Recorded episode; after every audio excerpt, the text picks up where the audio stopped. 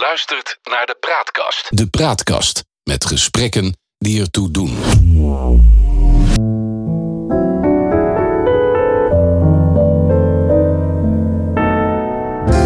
Welkom bij de Praatkast.nl. Dit is een aflevering van het Geheugenpaleis. Mijn naam is John Knierim en samen met Han van der Horst maken we deze podcast. Uh, de geschiedenis herhaalt zich nooit, maar rijmen doet hij vaak wel. En dat gegeven gebruiken we in het Geheugenpaleis om dieper in te gaan op de actualiteit. En we proberen zo te ontdekken wat werkelijk belangrijk is. En tussen beiden blijkt dat de werkelijkheid vaak genoeg elke fantasie te boven gaat. Han, ik wil het hebben over de arrestatie van Willem Engel. Ja, dat was een, eh, een hele vreemde arrestatie. Eh, hij was in voorarrest genomen wegens opruiing en werd toen uh, vrijgelaten op voorwaarde dat hij afstand zou houden tot de sociale media. Dat wil zeggen dat hij zich niet meer in het openbaar zou uiten. Hij is opnieuw opgepakt omdat hij dat toch had gedaan. Daar is een uh, hoger beroep uit voortgekomen. En daarbij is uh, de voorlopige vrijlating van Engel onmiddellijk hersteld. En de rechter zei erbij dat het een, zwaar, een te zwaar middel was om hem van zijn vrijheid van meningsuiting te beroven. Met andere woorden, er zijn nog rechters in Nederland. Ja, ik, uh, ik, ik laat het helder zijn. Ik, ik ben geen fan van, uh, van Willem Engel. Ik ben wel een, fan, een fan uh, van de vrijheid van meningsuiting. En ondanks dat het Willem Engel betrof, vond ik het wel heel erg ver gaan dat dan een rechter zegt: U, u, u mag wel, u, u, wordt vrijgelaten, maar u mag niks meer zeggen. Dat kan toch niet in deze tijd? Tegelijkertijd denk ik, Han, dat, dat Willem Engel met alle theorieën die hij hanteert, dit uh, misschien wel heel jammer vindt dat hij weer mag praten. Omdat hij in zijn verhaal veel beter kan gebruiken. Uh, om, om het grotere verhaal op te bouwen. Dat uh, de rechters ook niet meer te vertrouwen zijn. En dat we in een dictatuur leven. Zou het hem beter uitkomen als hij niks meer mocht zeggen? Ik denk het wel. Dan hoeft hij ook niks meer te zeggen. En kan toch de martelaar zijn. En nu moet hij doorgaan met spreken. En hij mag natuurlijk nog steeds niet opruien en uh, oproepen tot geweld of iets uh, dergelijks. Ja. Maar liegen en onzin verkopen mag wel. Ja. Ja, dat is een groot goed in Nederland dat dat uh, mag in de, in de vrije westerse wereld. Wat is dat eigenlijk, opruiing? Uh, opruiing betekent uh, dat ik jou aanraad geweld te gebruiken tegen de staat. Mm -hmm. Jouw oproep om geweld te, te gebruiken tegen personen, tegen ja. volksgroepen of tegen individuen, dat is ook strafbaar. Dus uh, als ik zeg, luisteraars, bestorm het torentje, haal Rutte eruit en behandel hem zoals de gebroeders De Wit en dan moet je natuurlijk genoeg van geschiedenis weten. Om dat te om begrijpen. beseffen, ja. dat, te begrijpen dat die gelyncht zijn. Ja. Dan, als ik dat zou doen, zo'n oproep, dat is strafbaar. Ja, dat mag niet, oproep tot geweld. Ja, maar ik mag bijvoorbeeld wel zeggen: de grondwet van Nederland is een schandelijk document en moet worden ingetrokken. Ja, want dat is alleen maar de mening over, over iets ja. zonder dat je oproept eh, ja. daartoe tot, tot geweld. Ik heb eens even in, in voorbereiding uh, op, op deze podcast... Uh, eens even in de kranten en in de jurisprudentie zitten kijken... naar wat recente uh, voorbeelden van, van opruiming. En daar kwam ik toch wel een paar leuke dingen tegen. Meneer Aquasi, je weet wel, de, de anti-Zwarte Pieten man... die heeft enige tijd geleden gezegd... Van op het moment dat in november een zwarte, dat ik een zwarte Piet zie, dan trap ik hem hoogstpersoonlijk op zijn bek. De, uiteindelijk vond het Hof het wel strafbaar, maar vond het beter om een deescalerende en preventieve afdoening van de zaak te hebben. En dat betekent dat hij uiteindelijk alleen maar een proeftijd heeft gekregen. Een beetje een rare uitspraak natuurlijk. Nou ja, ik, dat weet ik niet. Ja. de rechter mag bij zijn uitspraken best het algemeen belang ja. overwegen. En het, uh, hij dacht het waarschijnlijk dat het niet verstandig zou zijn om van Aquasi nog meer een martelaar te ja. maken. Ja. Dus vandaar dat dat is uh, gebeurd. Ja. Nou, en hij heeft een je... proeftijd gekregen, dus als hij het herhaalt, gaat hij voor gaas. Ja, En, en dat zie je eigenlijk in heel veel van die uitspraken die ik zo in de, eh, heb, heb, heb eigenlijk bekeken. Dat de rechter altijd heel erg de context van het hele gebeuren eh, meeneemt. Om te duiden van waar gaat het hier nou over. Ja, dat is Ik heb- taak ook. Ja, nou denk ik ook. Hè, dat het niet alleen de letter is, maar dat, dat Ja. de rechter alles moet wegen daarin. Nou, iemand eh, die over Sylvana Simons had geze- gezegd... afschieten dat wijf, die is uiteindelijk wel veroordeeld voor opruiing. Nou, er zijn eh, ook een aantal voorbeelden van mensen... die hebben opgeroepen tot rellen tijdens de avondklok. Die zijn ook allemaal eh, eh, veroordeeld.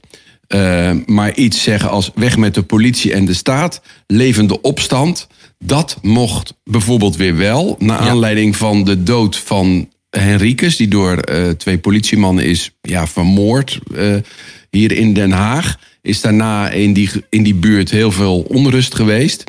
En ja, iets wat op, tamelijk opruiend is, weg met de politie en de staat en kom in opstand. Dat mocht alles overwegende van de rechter uiteindelijk eh, weer wel.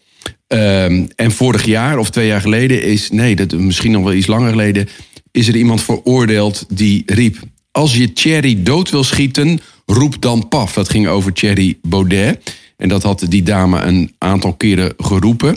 En eh, nou, dat vond de rechter een eh, aantasting van de democratie in het fundament. Het oproepen van geweld tegen een politicus. En daarom werd die dame ook, zeg maar, eh, veroordeeld. Maar voor Willem Engel ligt het allemaal nog wel een stukje lastiger, omdat hij op een hele subtiele wijze eigenlijk tot, tot, tot, tot ongehoorzaamheid, laat ik het zo zeggen, oproept. Hij heeft bijvoorbeeld gezegd. Ja, iemand die besmet is, die moet eigenlijk andere mensen gaan knuffelen, want daarmee doe je een goede daad. Nou, dat zou je toch wel als opruiend kunnen zien. Hij heeft opgeroepen tot een burgerarrest van agenten die andere mensen weer zouden arresteren. Nou, dat is denk ik toch ook wel een beetje over de grens als je dat zo hoort. Ja, kijk, het punt is met Willem Engel is natuurlijk dat hij een eh, juridisch adviseur heeft. Eh, hij treedt ook vaak op met een advocaat en die legt hem precies uit hoe ver die kan gaan. Jeroen Pols, ja. Ja. Ja. Ik heb wel eens die, eh, die filmpjes, want dan nemen ze de week door eh, bekeken op uh, Welts Match. Ik, ik, moet, ja, ik, vind het een, ik vind het eigenlijk een soort komische sketch altijd. Ik moet er altijd verschrikkelijk om lachen. Maar er zijn ja. heel veel mensen die het serieus nemen. Dat is het punt ook, hè? dat krijg je ook. Dan zeg je, ja, maar dat was niet serieus gemeend. Dat was satire. Ja, en de, Thierry Baudet zegt dat ook heel vaak. Ja. Het is satire. Dus dat, maar dat maakt het voor de re- rechter denk ik nog wel lastig... om daar dan een afweging in te maken. Nou, van, dat is natuurlijk ook zo. Ja. Wat denk je? Gaat hij uiteindelijk voor gaas of, eh, of, of komt hij ermee weg? eh, ik heb geen idee, je moet dat eh, aan juristen overlaten. Ja. Het lijkt mij niet, maar dan voel ik aan mijn water en niet Ja. aan iets anders. Dat wat Engels doet, is, is misschien wel laakbaar, maar niet strafbaar. Nee, precies, precies. Ja, koffie drinken bij bu- bu- burgemeester Bruls. Ja. Ja, weet je, we hebben ook een recht van demonstreren. Dus dit is, hij doet dat wel heel slim, die Engel, vind je niet? Ja. Hij doet het ook eh, slim, maar dat eh, is al duidelijk. Hij heeft een, een juridisch advies. Eh, hij heeft een pesterig karakter. Je hebt mensen die daar heel erg goed in zijn. En eh, die worden dan bijvoorbeeld cabaretier. Maar Ja. Willem Engel is eh, activist geworden. Ja, hij heeft natuurlijk een geschiedenis eh, met zijn vader... die als de krottenkoning van Rotterdam bekend Ja. stond. Die heel vaak met het bevoegd gezag in, eh, in conflicten kwam.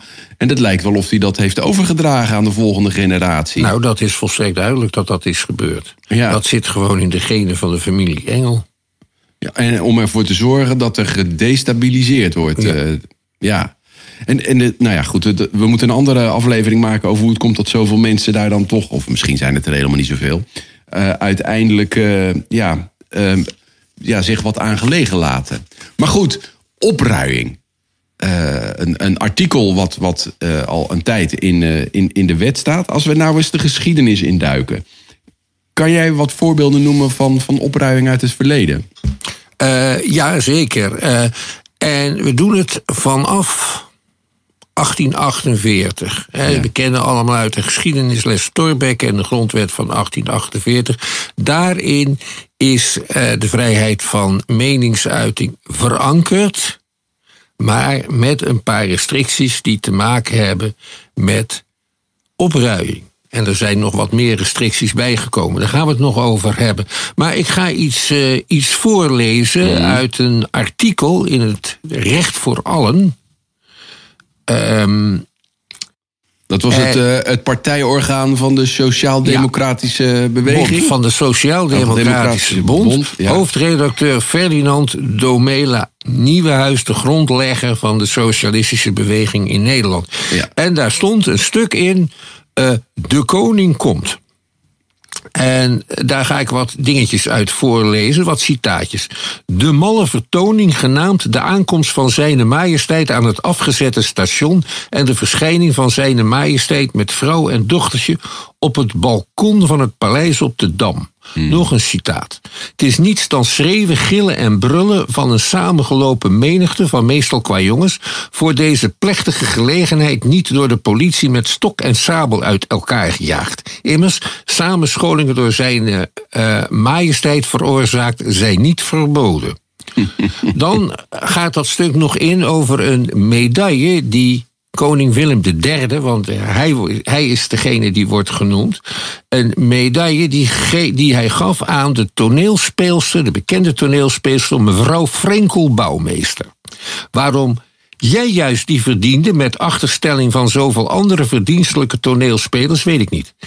Ik heb haar nooit zien spelen. Wel weet ik dat zij veel met heren speelde. Destijds met twee tegelijk. Zij denkt zeker, jij doet maar, of liever, je laat het maar doen. Maar nimmer lezen wij de koning gelast dat eindelijk herziening der grondwet flink wordt aangepakt of zijne majesteit wenst aan het treurig verschil tussen herders en leraren der hervormde kerk te Amsterdam een einde gemaakt te zien.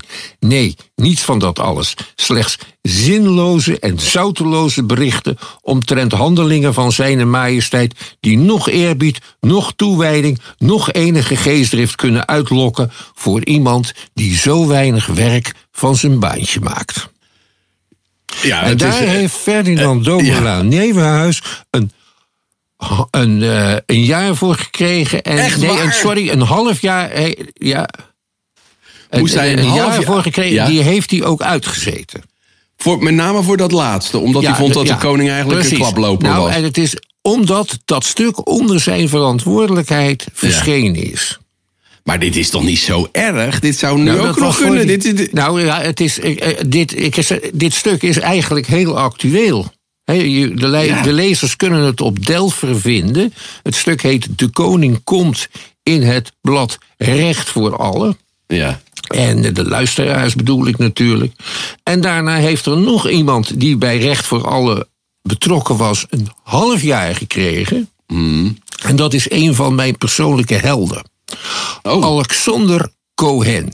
ik heb, daar heb ik nog nooit van gehoord. Dat is een, eh, een geweldige journalist Ja. en activist die heel erg oud is geworden. Eh, die begonnen is als anarchist. eh, in de rest van zijn leven naar rechts is opgeschoven tot hij tenslotte een aanhanger werd van het herstel van de monarchie in Frankrijk met een almachtige koning.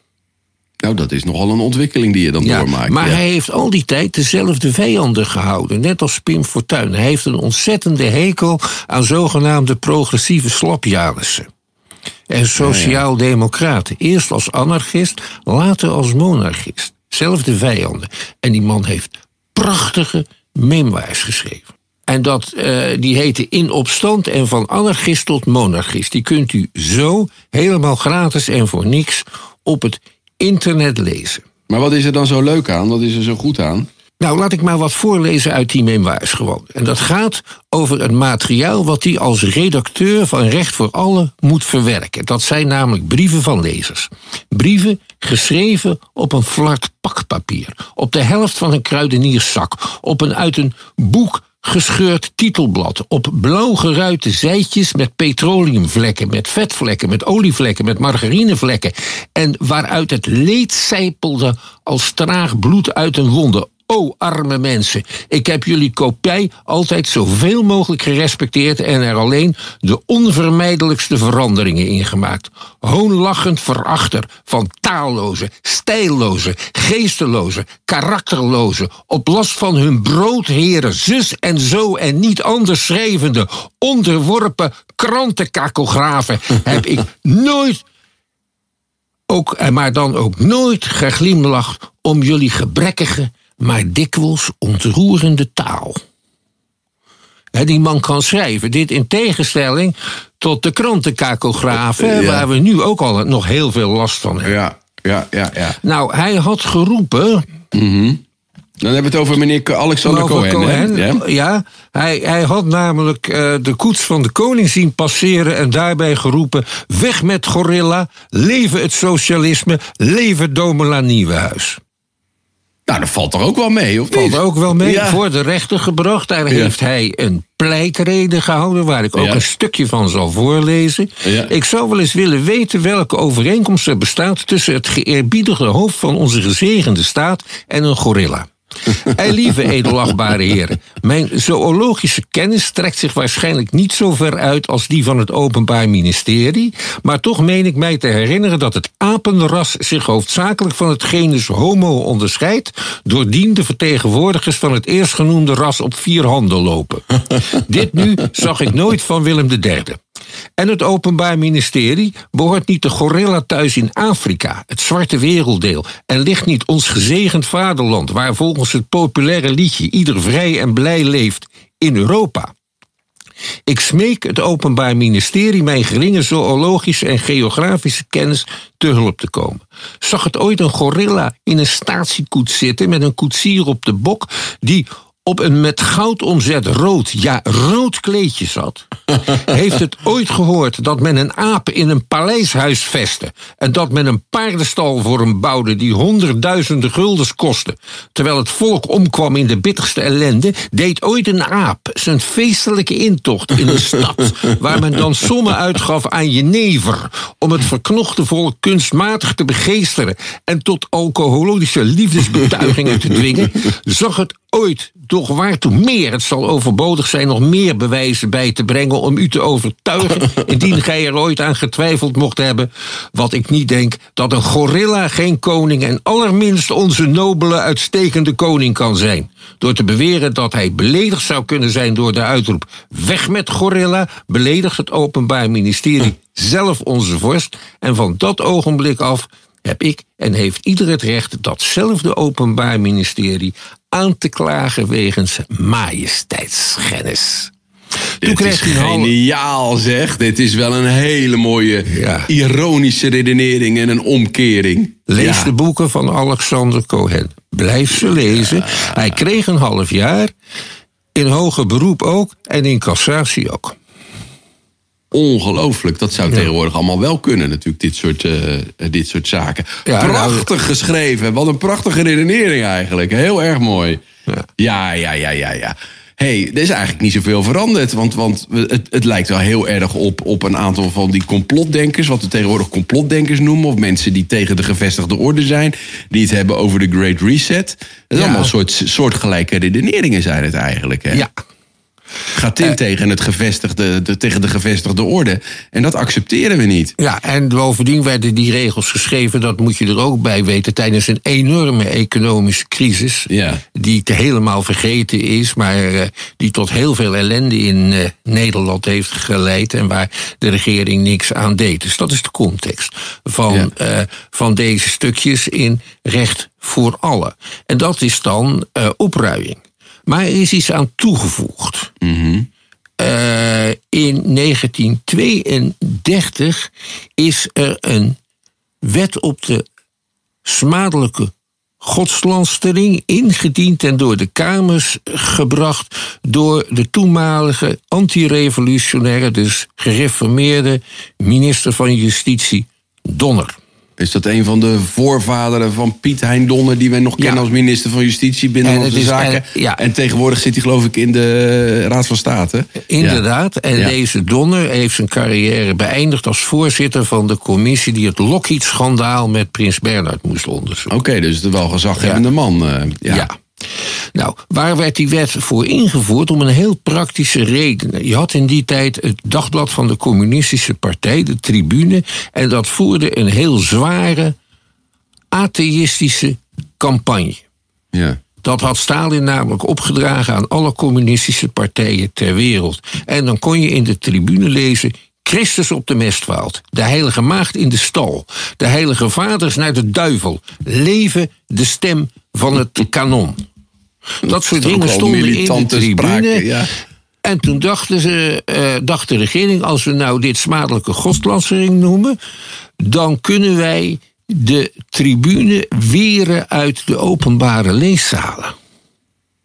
Ja, ja. Dit was de bedoeling die erachter zat. En is dat gelukt? Dat is gelukt, want die wet is aangenomen. Dat is toch eigenlijk ook verschrikkelijke inbreuk op, op de vrijheid van meningsuiting. Dat je niet gewoon eh, eh, je negatief over een geloof uit mag laten. Dat, Ja. is, toch? Dat is ook zo. En hij is maar, aan de andere kant, hij is maar vijf keer toegepast.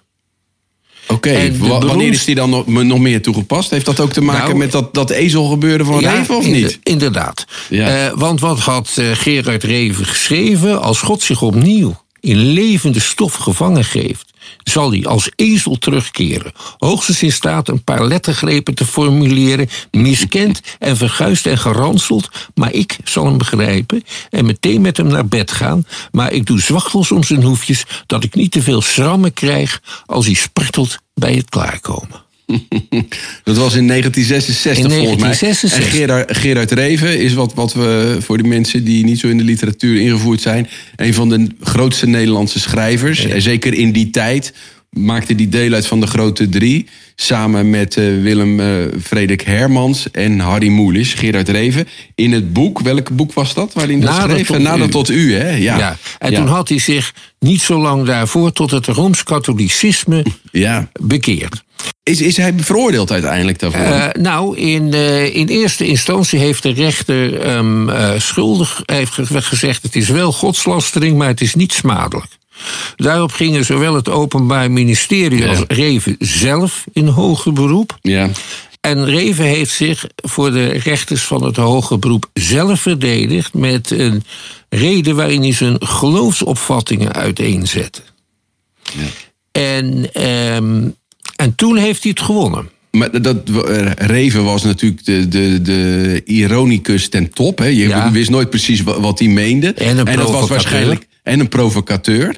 In die zin lijkt hij dan wel eh, i- een soort erfgenaam van die Cohen die jij net beschreef. Daar lijkt hij ook, eh, ook heel Ja. erg op. Ik zal je nog eens wat vertellen. Ik Ja. heb die tekst destijds al gebruikt, in 1967 of zo. Ja. Want toen zat ik bij de katholieke padvinderij.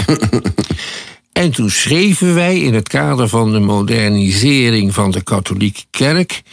een, eh, een nieuwe teksten voor de heilige mis... En dit plaatsten we in plaats van het credo, de geloofsbeleidenis. en wij dachten dat zal enorm schandaal veroorzaken Ja, ja, nu we ja. dit doen. De aalmoezenier, de pater, van, die, die deed er van harte aan mee. En iedereen vond het eigenlijk wel mooi. Er waren sommige mensen die zeggen van nou, wij zouden zelf dat misschien niet gedaan hebben. Maar toch wel. Dan zie je ook hoe de mentaliteit verandert. Precies, dus afhankelijk van het tijdsgevricht kan je bepaalde dingen wel en bepaalde dingen, dingen niet, eh, niet meer zeggen. W.F. Hermans heeft ook wel eens een, een proces gehad vanwege een roman. Ja. Eh, die roman heet Ik heb altijd gelijk. De hoofdpersoon heet Lodewijk Stegman. Die is net ja, getraumatiseerd terug uit de oorlog in Indië. Het boek is uit 1952 en die man heeft een hekel aan katholieken. En hij zegt dan ook... Die katholieken, dat is het meest schunnige, belazerde, onderkruiperige, besodemieterde deel van ons volk.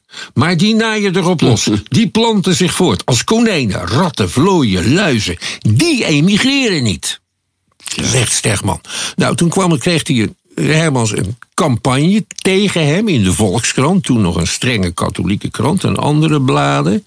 Eh, dit, dit, deze tekst stond als voorpublicatie in het tijdschrift Podium. Dat nummer is in beslag genomen. Nee. En toen is daar ook een rechtszaak van gekomen. En? Wegens belediging van een volksgroep. Dat mag nog steeds niet. Hè? Daar, Nee. heeft, Re- daar heeft Wilders nu ook problemen mee. Met zijn minder, minder. Ja, ja, minder, Dat zit minder dan in de buurt van Ja. het racisme. Ja. Eh, toen heeft Herman zelf ook een pleitreden gehouden... waarin Ja. hij zei, je kunt een eh, schrijver niet verantwoordelijk houden... voor wat zijn hoofdpersoon zegt... Dat vind ik gelul. En dan eindigt het met een verhaal over de vrijheid van meningsuiting. Ja. Hij, de rechter heeft dat verweer wel geaccepteerd. Hij is vrijgesproken. Dat Ja. lijkt me ook eh, volstrekt terecht eh, Recht. natuurlijk. Er zijn nog meer dingen Ja. waar je problemen mee kan krijgen. Hè. Je kan bijvoorbeeld gestopt worden omdat het tot ordeverstoringen zou kunnen leiden. Ja. Nu heeft Slauerhoff, de beroemde dichter Slauerhoff, Ja. heeft een heel kritisch toneelstuk geschreven over Jan Pieterszoon Koen. Ja. Hè, die nu heel erg in opspraak is. Trouwens, een verschrikkelijk slecht toneelstuk. Ja. Eh, Maar dat, eh, heeft ook te maken met Indonesië. En Koen was Ja. daar een van de bevelvoerders ja, volgens en dit gaat Ja. dan over hoe Koen omgaat met een, eh, met een pleegdochter van hem... die die laat geeselen en haar vriendje laat hij Nou, goed. ophangen. Goed, daar gaat dat stuk over.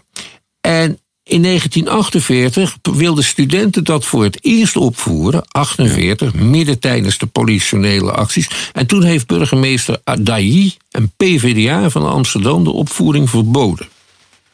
Nee, echt waar? Ja. Ja. Dat deden ze toch, bij, bij toneelstukken deden ze dat wel hoor. Ehm, eh, er is ook wel eens in de jaren twintig een toneelstuk verboden door de, de toenmalige burgemeester van Amsterdam. Dat ging over de wederkomst van Jezus in Londen. Hij was bang dat de katholieken daardoor beledigd zouden zijn. Maar de katholieken lieten weten dat ze het juist een heel goed toneelstuk vonden. En dan had je de radiocensuur. Nee, hebben Dus we de- radiocensuur gehad? Jazeker. De, de, in de jaren 30 had je de radiocensuur. Dus bijvoorbeeld de VARA mocht de internationale niet eh, draaien. Nee, echt En waar? je had, je had behalve de VPRO, had je nog een ander klein omroepje. De, de Vrijdenkers Radio-omroep, die waren, Ja. dat waren dus atheïsten, die zijn van de zender verwijderd. Omdat ze in de antichristelijk waren. Ja, en, en die, die, die commissie die verbood ook wel meer allerlei eh, toespraken en lezingen en zo.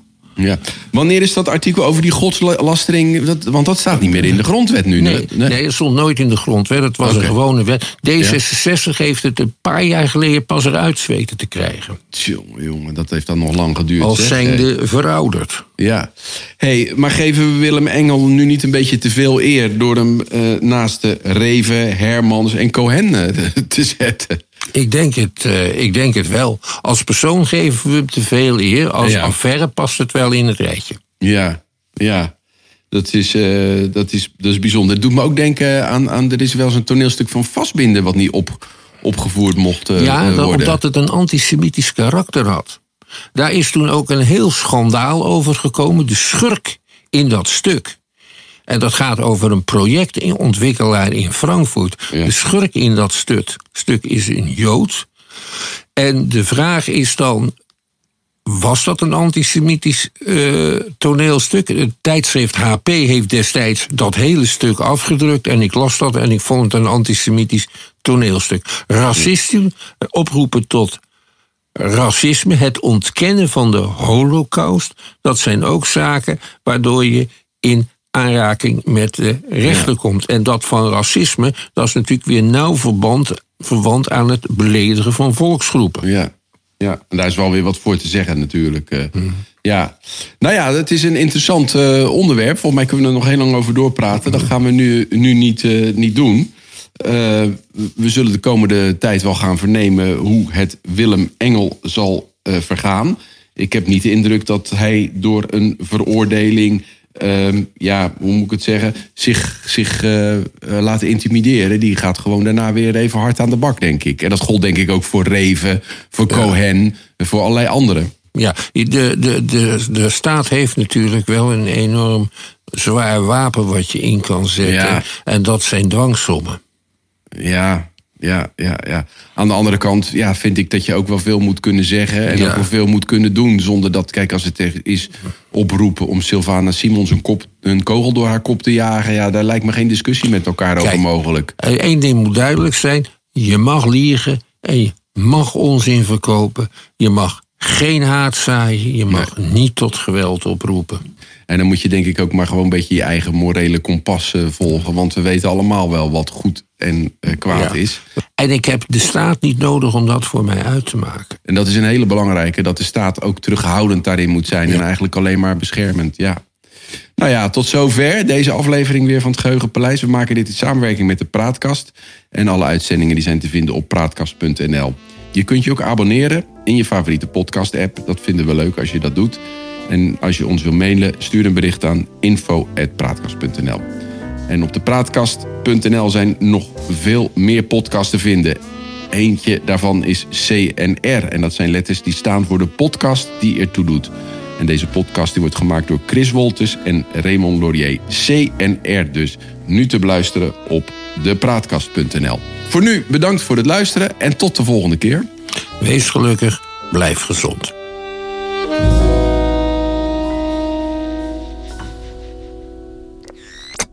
De Praatkast.